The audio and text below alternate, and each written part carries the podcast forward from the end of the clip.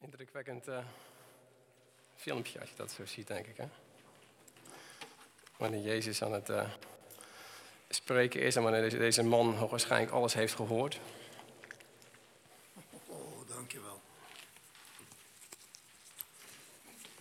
Komt deze man tot Jezus en hij stelt Jezus de vraag.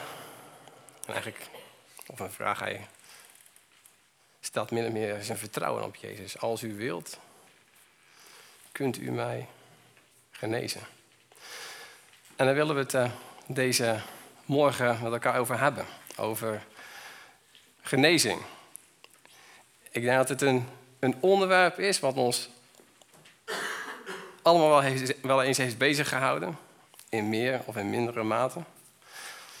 Um, ook een onderwerp waar heel veel over gesproken is. En nog heel veel over gesproken wordt. Waar heel veel boeken over geschreven zijn. Waar heel veel verschillende ideeën en visies over zijn. En um, ik denk dat wat we, vanavond, wat we vandaag willen doen met elkaar, we willen ook vandaag het uh, avond met elkaar vieren. Ik denk dat er echt een geheim is wat wij, als het gaat om uh, heling, uh, genezing, wat God ons wil leren door het avondmaal.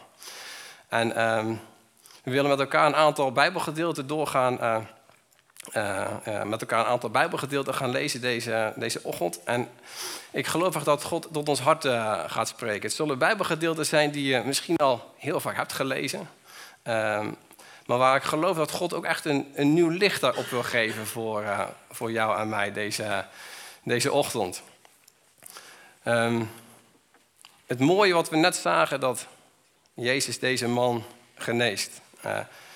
er komen niet allerlei eisen van Jezus naar deze man toe. Nee, Jezus geneest deze man. En uh, zonder, enige, uh, zonder enige voorwaarden. En um, dat is eigenlijk ook het mooie. Als we kijken naar Jezus' bediening, dan zien we uh, dat hij nooit mensen heeft ziek gemaakt.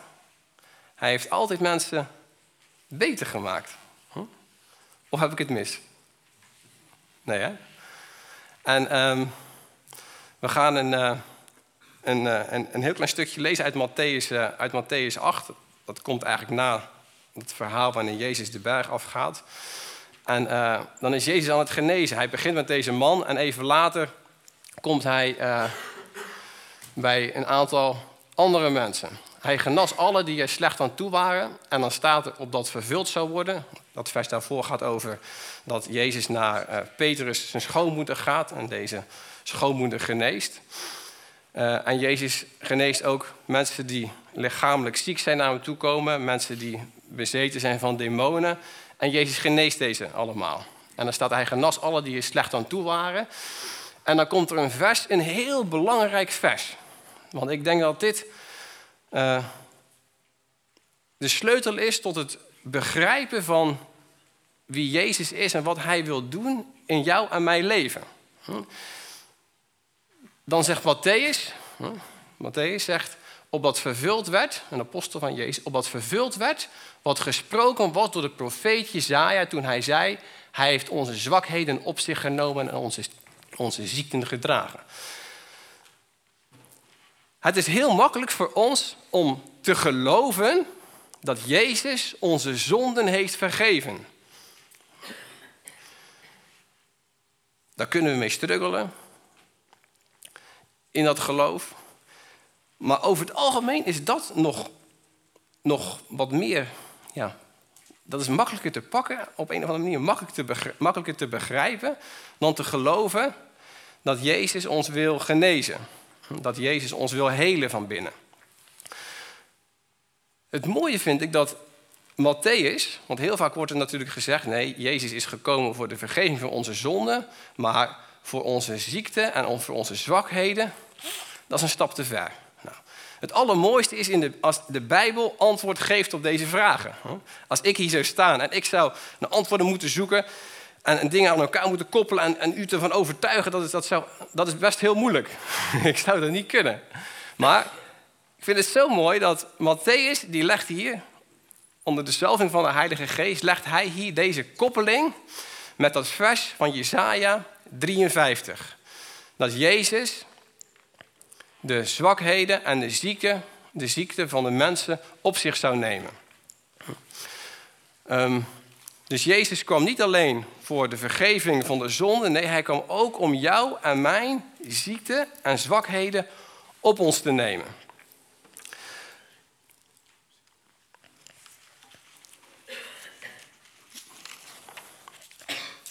Als we eventjes verder inzoomen op dat Jesaja 53, dan zien we in de volgende sheet dat Jezus jou en mijn ziekte doet. Voorwaar, onze ziekte heeft hij op zich genomen, onze smarten heeft hij gedragen.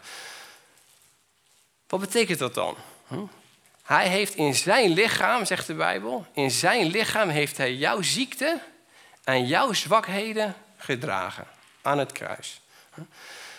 Ziekte is het gevolg van zonde. Hm? Dus door de zonde is ook de ziekte in de wereld gekomen. Dus op een of andere manier, wij kunnen er soms wel bij dat God de zonde vergeeft, maar de gevolgen van de zonde, dat is ziekte. Dat vinden we soms heel erg moeilijk. Terwijl dat ik denk dat God toch heel duidelijk tegen ons wil zeggen, ook met Isaiah 53, dat zijn offer was voor onze zonde, maar ook voor de gevolgen die de zonde heeft gehad. De ziekte die er kan zijn, de gebrokenheid in ons leven. We kunnen zo enorm gebroken zijn doordat we ons geoordeeld voelen. Doordat we niet weten wie we zijn in Jezus. Doordat we de identiteit in Jezus niet kennen. Dat maakt ons een gebroken mens. En dan gaat Jesaja verder door te zeggen, volgende slide, maar hij is om onze overtredingen verwond, om onze ongerechtigheden verbrijzeld. De straf die ons de vrede aanbrengt was op hem. En door zijn striemen is er voor ons genezing gekomen. Nou, even bij dat eerste vers blijven stilstaan. Door zijn striemen is er voor ons genezing gekomen. Jezus droeg de gevolgen van de zonde op zich. Jezus droeg niet alleen onze zonde, onze ongerechtigheden, maar ook wat er als het ware uit voortvloeide. De gevolgen die de zonde kan hebben. De onvolmaaktheid in ons leven, de onvolmaaktheid die we zien in deze wereld. Door zijn striemen is er voor ons genezing gekomen. Er staat niet dat wij die genezing als het ware kunnen verdienen. Nee, er staat door wat hij heeft gedaan, door de straf die hij heeft ontvangen aan het kruis, is er voor jou en mij genezing gekomen. En die genezing mogen wij in Jezus Christus ontvangen. In datgene wat hij heeft gedaan aan het kruis. Matthäus refereerde terug naar een, gedeel, naar een, uh, naar een, uh, een moment dat Jezus nog niet was gestorven. Nog niet was gekruisigd. Nog niet was begraven, nog niet was opgestaan. Voor het kruis, die situatie waarin Matthäus dat vers naar refereert. Zometeen gaan we nog naar een ander vers. En dan zien we dat de apostelen net zo goed Jesaja 53 nemen om juist de genezing te spreken over mensen na het kruis. Dus het is niet dat we zeggen van nou, ja, genezing dat is toch eigenlijk meer voor in de tijd ja, van Jezus. Dat was toen Jezus hier op aarde wandelde. Ja, nee, dat bestaat nu toch eigenlijk niet meer. Nee, Jezus wil net zo goed als in de tijd dat hij op aarde leefde, wil hij dat jij en ik zijn heelheid ervaren. Wil hij dat jij en ik zijn genezing ervaren? Wil hij dat jij en ik in het volbrachte werk van Jezus mogen staan en daaruit zijn kracht en zijn genezing mogen zien in ons leven? Er is niets moois dan dat. Maar Jesaja zegt, wij dwaalden alle als schapen, wij keerden ons ieder naar zijn eigen weg, maar de Heere heeft de ongerechtigheid van ons allen op hem doen neerkomen. Dus alle ongerechtigheid hm, die er is gedaan door jou en mij, door iedereen, vanaf het begin van de schepping tot het einde, van voor het kruis tot na het kruis, zegt Jezaja, al deze ongerechtigheid is op Jezus terechtgekomen. Niets, helemaal niets uitgezonderd. Maar hij zegt ook, we dwaalden alle als schapen. En ik moest daarover nadenken. Wat, wat, dat is eigenlijk apart. Hij zegt, we dwaalden alle als schapen. Maar hij zegt eigenlijk, we dwaalden als schapen tot het moment dat we Jezus gingen ontvangen in ons leven. Dat we Jezus gingen leren kennen. Dat we Jezus gingen leren kennen als degene die ons heeft gered. En die vanuit die redding ons ook genezing en heelheid wil geven. Dus op het moment, tot het moment dat je Jezus niet kent, is er eigenlijk geen kompas in je leven waar je, ja, waar je op zou moeten richten, waar je op zou moeten focussen. Maar het moment dat Jezus in je leven komt, dan dwaal je niet meer als een schaap. Weet hoe schapen dwalen? Bij de preek van David eh, een paar weken geleden.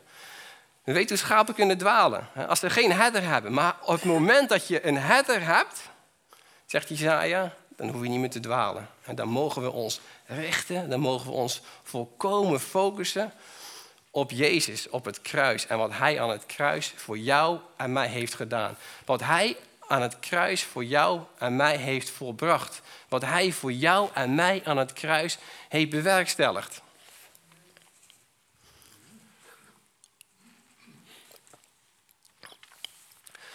Dus Jezus droeg de gevolgen van onze zonde aan het kruis. Dus nogmaals, dat gaat veel verder dan alleen de zonde. Hij droeg de gevolgen van de zonde aan het kruis. En dat is eigenlijk niet meer dan logisch. Als hij de zonde heeft gedragen, heeft hij ook de gevolgen van de zonde gedragen. Het zou wat zijn als jij en ik af en toe nog gestraft worden door God, omdat ja, toch bepaald, hij heeft dan wel geboet voor onze zonde, maar af en toe geeft hij toch nog even een porretje en zegt van, tja, hé, hey, uh, dat was toch niet zo goed. Hè? Je moet er toch nog, je, jij moet er toch nog ook iets voor doen. En ik denk dat Jezaja heel duidelijk wil maken dat de redding die Jezus geeft compleet is. Is de vergeving, de bevrijding, de genezing en de verlossing. De verzoening, dat jij en ik weer tot God mogen gaan en verlost zijn, bevrijd zijn, heel zijn geworden.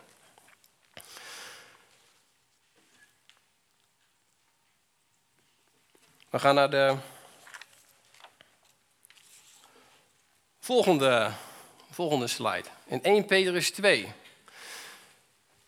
En dit is een, een, uh, een vers wat jou en mij uitdaagt om te vertrouwen. Om te wandelen in geloof.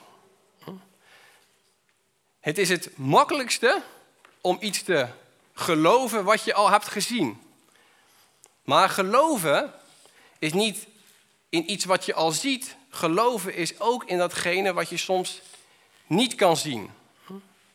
En ik denk dat Petrus een hele mooie belofte neerlegt in dit gedeelte.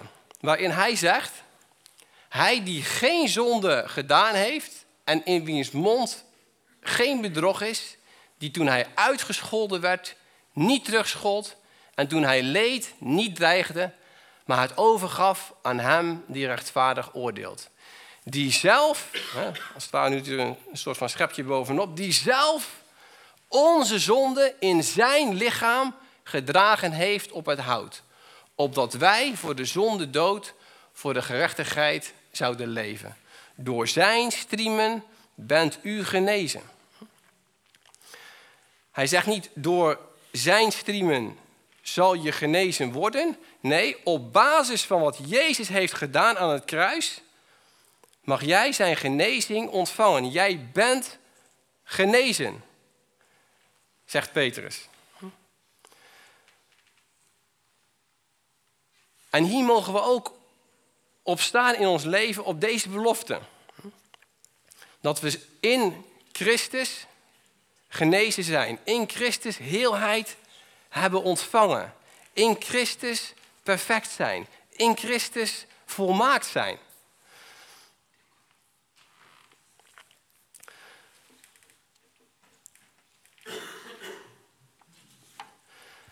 Met andere woorden, soms kunnen wij ook een hele andere houding hebben wanneer we dingen meemaken in ons leven die we niet begrijpen.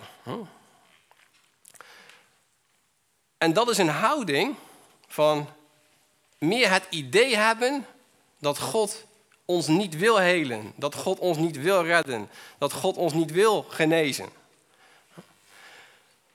Maar ik denk dat de apostel Petrus ons juist uitdaagt om juist in dat geloof te staan, in het vertrouwen te staan dat God een God van heling en dat God een God van genezing is.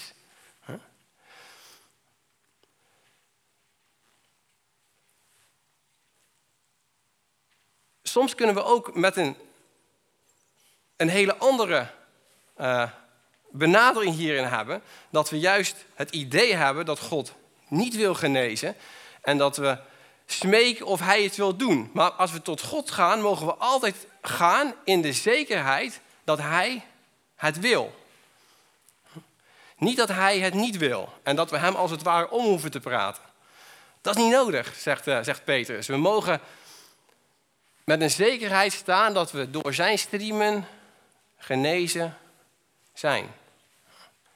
Is dat niet een geweldige, mooie belofte dat we ons vertrouwen niet op onszelf hoeven te stellen, maar dat we ons vertrouwen en ons geloof mogen stellen op de striemen van Jezus. Wow. Niet de striemen van onszelf, niet de pijn die we zelf hebben meegemaakt. Nee, Jezus droeg de pijn en straf van ons allemaal. Dat staat in schril contrast met datgene wat jij en ik als het ware kunnen meemaken in het leven.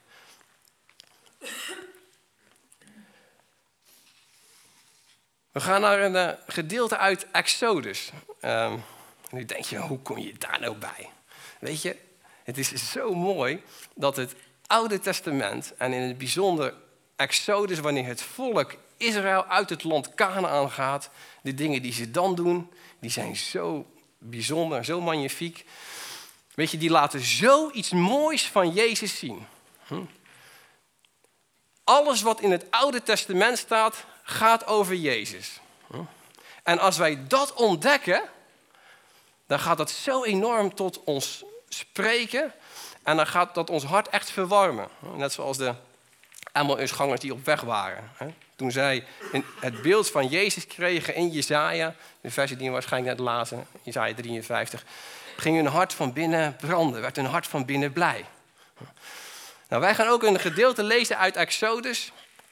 En dat gaat in het bijzonder over het Pesach. Het, datgene wat de Joden gingen vieren nadat ze, voordat ze uh, weggingen uit, uh, uit Egypte. En jaren als slaven daar hadden geleefd.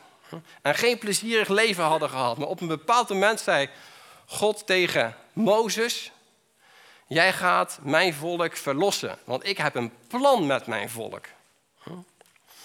En God zond Mozes naar Egypte terug. En er kwamen vele plagen. En het, de farao wilde het volk niet laten gaan. Lekker hardleers was deze man.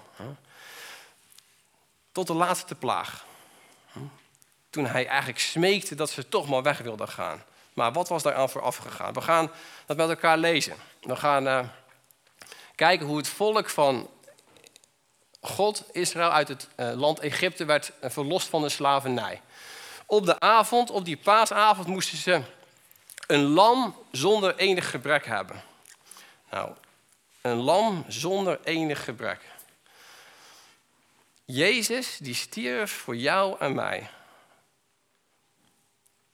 zonder enig gebrek. Hij was perfect.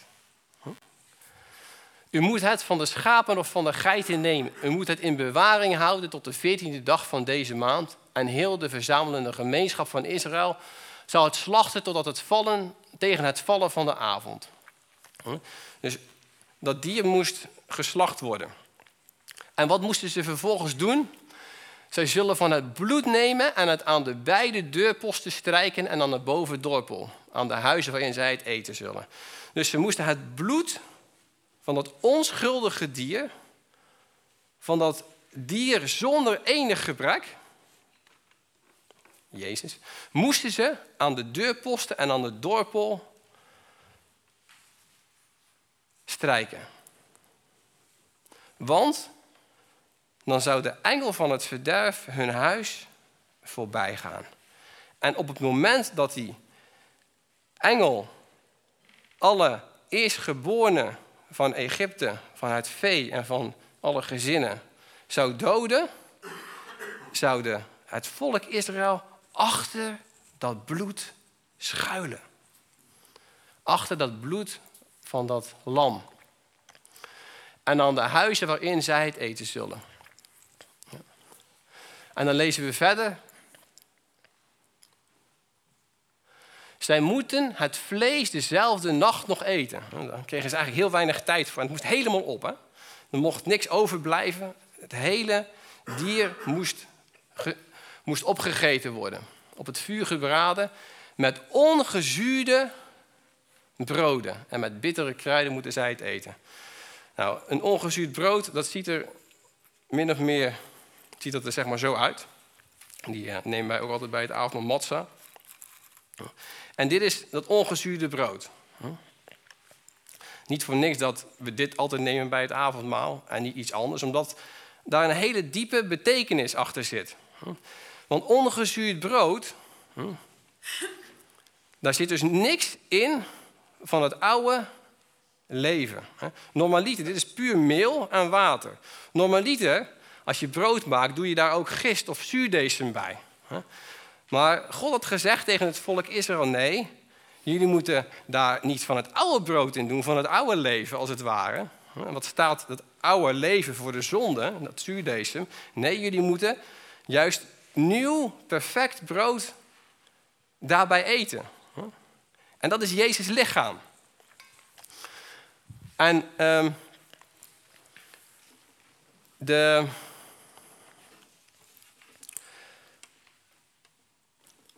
Want de Bijbel zegt een beetje van dat zuurdesem, een beetje van dat zuurdesem maakt het hele brood als het ware zuur. Dus een beetje zonde in, een, een, een, als we niet, ja, een, beetje uh, maakt het hele brood zuur. Als wij niet per, perfect zijn in Gods ogen, zullen we zijn rechtvaardigheid niet ervaren in ons leven. Of zal dat, zullen we daar continu aan staan twijfelen? Dus zij moesten dat brood, moesten ze als het ware eten. En zij moesten dat lam, moesten zij slachten en ook eten. En uiteindelijk moesten zij het land, naar het land Israël toe gaan. Moesten zij onder die, uh, onder die deur, onder dat bloed, moesten zij hun vrijheid tegemoet gaan. Ik denk dat daar ook een hele uh, mooie en diepe betekenis in zit. Um, Weet je, achter dat bloed kon het oordeel van God hun niet treffen. zij waren volkomen veilig. Zij waren volkomen beschermd. En toen zij achter die bescherming, achter dat bloed als het ware zaten, konden zij dat brood eten en konden zij dat lam eten wat voor hun was geslacht. Dit is ook waar het avondmaal vandaan komt. Want dit is het feest wat Jezus met zijn discipelen aan het vieren is. Op de dag dat hij werd overgeleverd. En dan is Jezus met zijn discipelen daar. En dan is hij dat met hun aan het vieren. Waarom? Omdat het zo bijzonder iets is waar God wilde dat ze elk jaar aan herinnerd zouden worden. Want Paulus, die komt ook in de gemeente in Korinthe en die ziet ook hoe de dingen daaraan toe gaan. eh, hoe de dingen misschien uitgelegd worden als het om het avondmaal gaat. Het geloof wat mensen eh, eh, hebben. En hij, hij ziet een bepaalde reden om toch iets, ja, moet zeggen, bijna recht te zetten. Toch de mensen te onderwijzen wat nou het juiste perspectief is van het avondmaal. Want weet je, wij kunnen het avondmaal nemen en dan kunnen we ons schuldig voelen. Ik heb jaren het avondmaal genomen en elke keer dacht ik van, ja, als ik nou mezelf moet beproeven, want dat zegt Paulus toch, als ik nou mezelf moet beproeven, tja, ik ben er nog steeds niet. Zal ik het dan wel nemen? Hm? En dat idee kan soms enorm in jou en mijn leven heersen. En dan gaat het, het doel van het avondmaal gaat helemaal, eh, het, het idee van het avondmaal gaat helemaal zijn doel voorbij. En dan lezen we in, um, in 1 Korinthe, zegt Paulus, zo dikwijls als u dit brood eet en deze drinkbeker drinkt, verkondig de dood van de Heer totdat hij komt. Nou, en dan komen er een aantal versen en die kunnen heel complex zijn als we die door de ogen van oordeel lezen. En dan denken we ze ook allemaal heel makkelijk te begrijpen. Maar als we ze op die manier, zeg maar, uh, uh, interpreteren, hè, dan zouden we, ja, dan zouden, dan zouden we allemaal zeggen, ja, laat dat brood maar aan mij voorbij gaan, want ik ben het echt niet waard. En de, en de je, kan hem nog zo overtuigen, die zou ook zeggen, ja, ik ben het ook nog steeds niet waard. Dan zegt hij, wie op onwaardige wijze dit brood eet of de drinkbeker van de Heere drinkt, is schuldig aan het lichaam en het bloed van de Heere. Maar laat ieder mens zichzelf beproeven en laat hij zo eten van het brood en drinken uit de drinkbeker. Weet je, het staat wel in de Bijbel, denken we dan. En ja, wat, wat moet ik daar nou mee? Weet je, dit, dit kunnen zulke complexe versen zijn dat we zulke mooie dingen in de Bijbel lezen over Gods genade en dan lezen we dit en dan zeggen we, ja, Heer, ben u nou consistent? Heeft u nou deze boodschap en die boodschap? Of moeten we misschien toch dit iets beter tegen het licht houden? Wat is het om op onwaardige wijze aan te zitten? Wat is het om jezelf te beproeven? Ik zie jullie allemaal denken. Niet geloven dat het volbracht is. Here we go. Volgende vers. 1 Korinthe 11, vers 29. Want hij zegt, ieder, want wie op onwaardige wijze eet en drinkt, die eet en drinkt zichzelf een oordeel. Omdat hij het lichaam van de Heer niet onderscheidt. Het lichaam van de Heer is voor de vergeving van de zonde, maar ook van de gevolgen die de zonde heeft gehad. Voor onze genezing, voor onze heling. Want dat zegt Paulus daarna. Daarom zijn er onder u vele zwakken en zieken en vele ontslapen. Met andere woorden, het avondmaal kan ook een krachtig iets zijn waar we in geloof in staan en wat we in geloof tot ons nemen. En dat we zeggen, het volbrachte werk van Jezus aan het kruis is ook voor onze genezing. Het volbrachte werk aan het kruis is ook voor onze heling. Het bloed wat heeft gevloeid is voor onze redding, maar ook voor onze genezing. Vrij van oordeel, vrij van straf. En dat is het perspectief wat Paulus wilde dat de gemeente in Korinthe had wanneer ze dit namen. Als ik het zou nemen met het idee wat ik vroeger had, en dat was het idee van ik neem het, dank u Heer, ik ben nog niet goed genoeg. Dat is op onwaardige wijze nemen en eten van het brood. Als ik mezelf in die tijd had beproefd, dan had ik moeten zeggen: Ja, Johannes, je hebt eigenlijk niet het juiste perspectief. God wil dat jij een ander perspectief hebt als het gaat om het avondmaal. Om het nemen van het brood, om het drinken van de wijn. Hij wil dat jij een veel breder perspectief hebt. Hij wil dat jij ook gelooft dat het voor jou, wat hij heeft gedaan, voor jouw redding en verlossing is en voor jouw heling. En dat is zo mooi wanneer je het avondmaal neemt. In de tijd van de Bijbel werd het iedere dag genomen. Was geen dag uitgezonderd. Wij doen het één keer in de zoveel tijd. En we kunnen soms wel denken bij onszelf: ja, weet je, zo saai. Elke keer dat avondmaal. Ik heb het jaren gedacht. Maar het is ook niet een feestmaaltijd wanneer je jezelf geoordeeld voelt. Wanneer jij zelf niet het onderscheid hebt dat het verschil kan maken in je leven, is het inderdaad iets wat je niet graag neemt.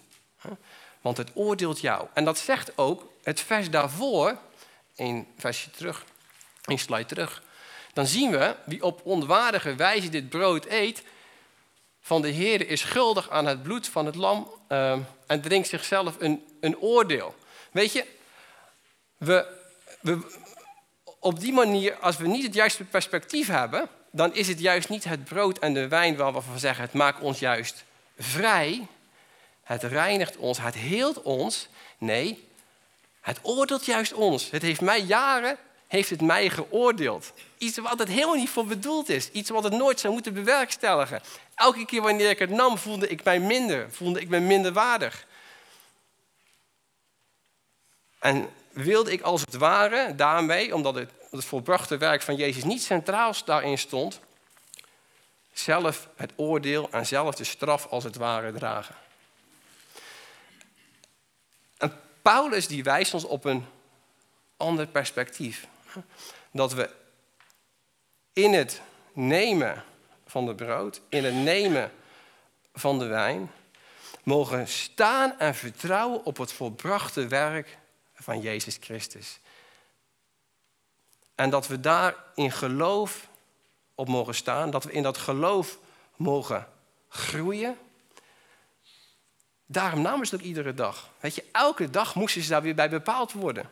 Er ging geen dag voorbij of ze namen het niet. Waarom? Het vervulde hun van binnen. Het bracht hun dichter bij Jezus. Hun geloof groeide erdoor. In plaats van dat hun geloof ervan afbrak. Hun geloof groeide er juist door.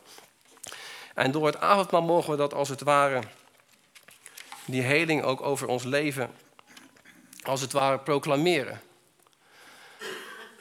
En dat willen we nu ook samen doen. Wij willen proclameren wat Jezus voor ons heeft gedaan aan het kruis. Toen hij zei, het is volbracht. It is finished. Toen Jezus afrekende met de zonde, maar ook met de gevolgen van de zonde in jou en mijn leven. En dat is heel mooi, want het is als het ware een verbondsmaaltijd die je met elkaar houdt wanneer je het avondmaal viert. Het is een maaltijd waarin je gedenkt wat Jezus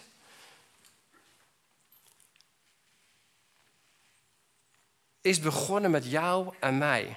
In het nieuwe verbond een relatie die gebaseerd is op zijn liefde en op zijn genade. Een relatie die niet gebaseerd is op jou en mijn goede werken, maar een relatie die gebaseerd is op zijn volkomen onvoorwaardelijke liefde voor jou en voor mij. En in die zin is het eigenlijk een hele, iets, iets heel moois en iets heel praktisch wat God ons heeft gegeven als we denken aan het avondmaal. En dat willen we ook met elkaar doen. Jezus' lichaam werd voor jou en mij verbroken. Hm? Jezus stierf voor jou en mij en ging de dood in. Als we naar deze matsen kijken, als we deze matsen tot ons nemen, dat brood tot ons nemen, dat is brood wat niet is doordrenkt van zonde en een beetje zuurdesem. Nee, het lichaam van Jezus is perfect. Het lichaam van Jezus is volmaakt. En wanneer je dit brood eet, dan mag je geloven en vertrouwen dat het volbrachte werk van Jezus jou wil redden en jou wil helen. Het volbrachte werk van Jezus, hij wil jou zelfs genezen. Door zijn striemen is ons genezing geworden. Als we naar dit brood kijken, dan zien we dat het aan één kant altijd een beetje meer gebrand is dan de andere kant. En we zien ook dat er strepen overheen lopen.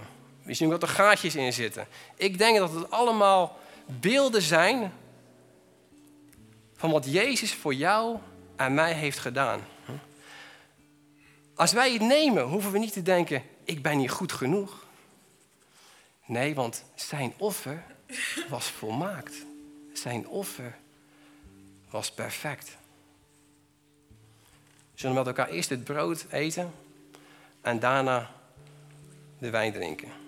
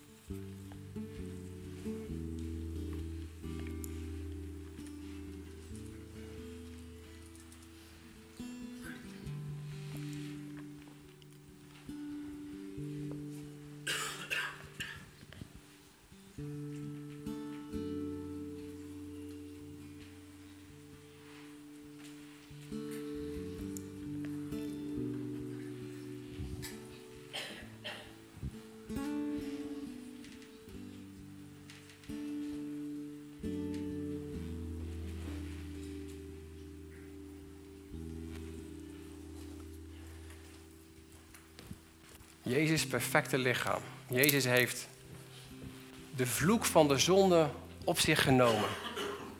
En wij mogen zijn vergeving ontvangen. Wij mogen zijn genezing ontvangen over ons leven. En laten we dat ook proclameren over ons eigen leven wanneer we van dat brood eten.